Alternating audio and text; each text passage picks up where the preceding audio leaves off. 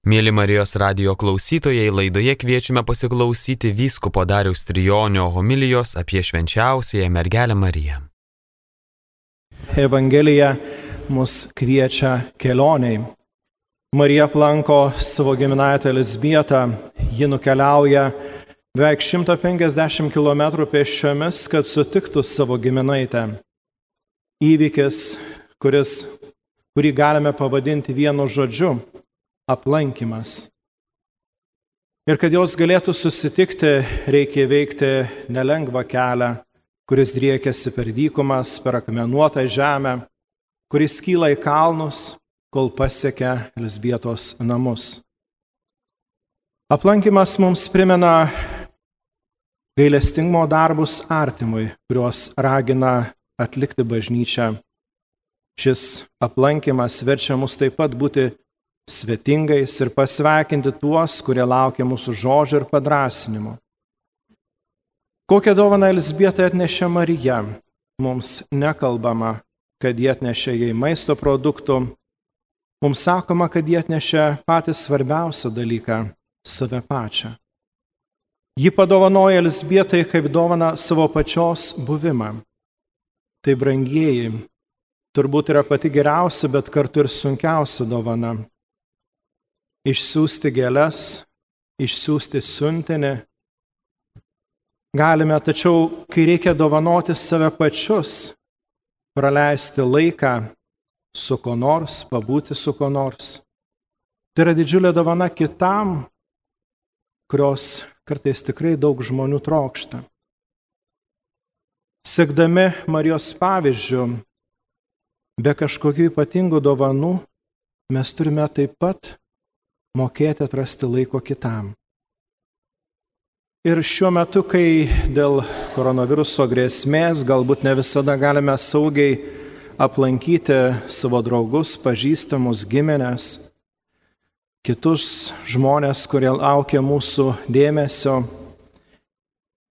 yra kitos priemonės, kurios gali mūsų artinti ir kurti svetingumo kultūrą mūsų tarpe.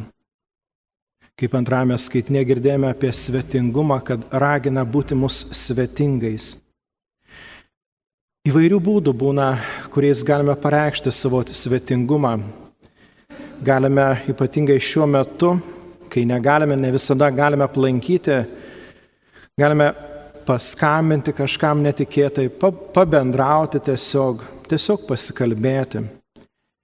Ir tai bus mūsų ta kad ir maža, bet kartu dėmesio parodymo dovana kitam, kuris sušildys, aplankys ir parodys, kad mums tas žmogus yra brangus. Dar kitą dovaną Marija atnešė Elisbietai, dovana, kurios dažnai reikia mums visiems - tai padrasnimas. Visiems mums reikia tos vidinės ramybės ir džiaugsmo, kurį teikia šventoji dvasia. Marijos apsilankimas Elsbietos namuose buvo padrasnimas įnešantis jos namus džiaugsmą ir ramybę. Ir mes taip pat esame kviečiami atnešti, dalintis savo džiaugsmu, viltimi su kitais. Labai įdomu, kad pirmieji žodžiai, kurie pasigirsta šio sustikimo metu, tai Dievo šlovinimas už gautasias malonės ne žodžiai, kaip sekėsi kelionė, koks buvo oras ar panašiai. Pirmieji žodžiai, kurie parodo, kad viskas ateina iš Dievo, visos malonės. Ir kaip yra svarbu pamatyti tas Dievo dovanas mūsų gyvenime ir mokėti už jas dėkoti. Pabandykime ir mes paklausti savęs, kiek mūsų kalbose yra vietos tam nuostabiam Dievo šlovinimui, už tuos darbus, kuriuos Jis daro mūsų gyvenime. Juk kartais būna, kad susidūrę su sunkumais arba išmėginimais, mes galime ir priekaištauti Dievui, galime kitam sakyti, koks, kad ne, ne taip pasielgia, kaip turėjo pasielgti. Iš tiesų nesame apsaugoti nuo sunkumų, nuo išbandymų, bet kaip svarbu mūsų gyvenime pastebėti, nors ir mažus, bet tuos gražius teigiamus dalykus. Popiežius Pranciškus jaunimo į Kristus Vyvi dokumente apie tai sako, reikia mokėti atverti akis ir sustoti visapusiškai ir su dėkingumu išgyvenant kiekvieną mažą gyvenimo dovaną. Dar vienas svarbus aspektas, kurį norėčiau paliesti. Aplankydami švenčiausią mergelę Mariją, mes aplankome ir kitus šventuosius, kuriems Dievo motina yra brangi. Šiandien bažnyčia mini šventai Benediktą, abatą, kuris kūrė vienuolynus.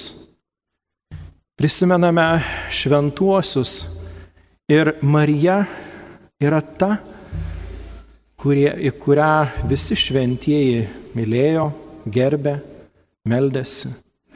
Ir galiausiai šis aplankimas mus taip pat paruošia susitikimus su viešpačiu, kurį mes atlaiduose sutinkame atgailos ir Eucharistijos sakramentuose, arba tiesiog eidami ir apmastydami Kristaus kančią.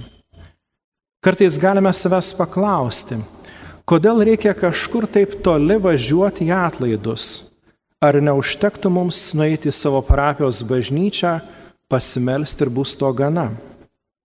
Aišku, galime, bet norint pasiruošti intensyvesniam susitikimui su Dievu, Kad labiau patirtume jo tas malonės, mes visų pirma turime atlikti dvasios piligrimystę.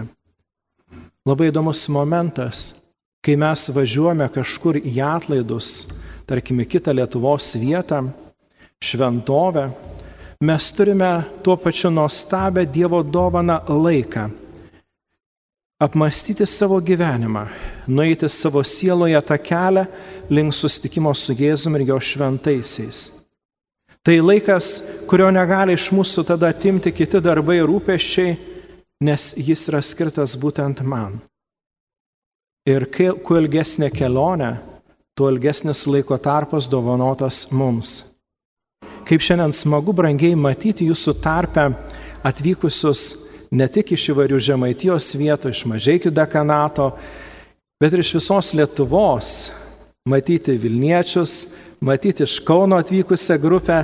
Tikrai nuostabu, kad jūs keliaujate, jūs atvykstate į vairias šventovės ir būtent tas laikas, kaip jau minėjau, yra tas laikas skirtas jums atlikti tą dvasios piligrimystę.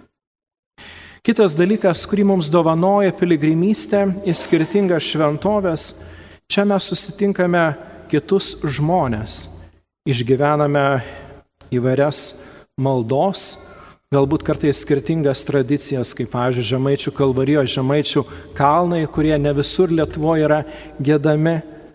Pamatome ne tik kaimyną iš gretimos gatvės, ar tą, kurį buvau sutikęs praėjusią sekmadienį parapijos bažnyčioje, bet ir kitus žmonės, kurie savo buvimu ir malda liudija savo tikėjimo džiaugsmą. Keliaudami per Lietuvą, mes pamatome skirtingas tradicijas, kultūrinius dalykus, kurie mus praturtina. Ir pamatome, koks yra gražus mūsų kraštas. Tai yra tos nuostabios Dievo dovanos, kurios atrodo kartais ne visada pastebimos, mažytės, bet jos praturtina mūsų gyvenimą. Švento Bernardo maldoje skaitome, atsimink maloningoji mergelė Marija, jog amžiais nėra girdėta, kad apleistum bent vieną, kas bėga prie tavęs, šaukėsi tavo pagalbos ir prašosi užtariamas. Amžiais nėra girdėta. Suskamba ypatingo pasitikėjimo malda.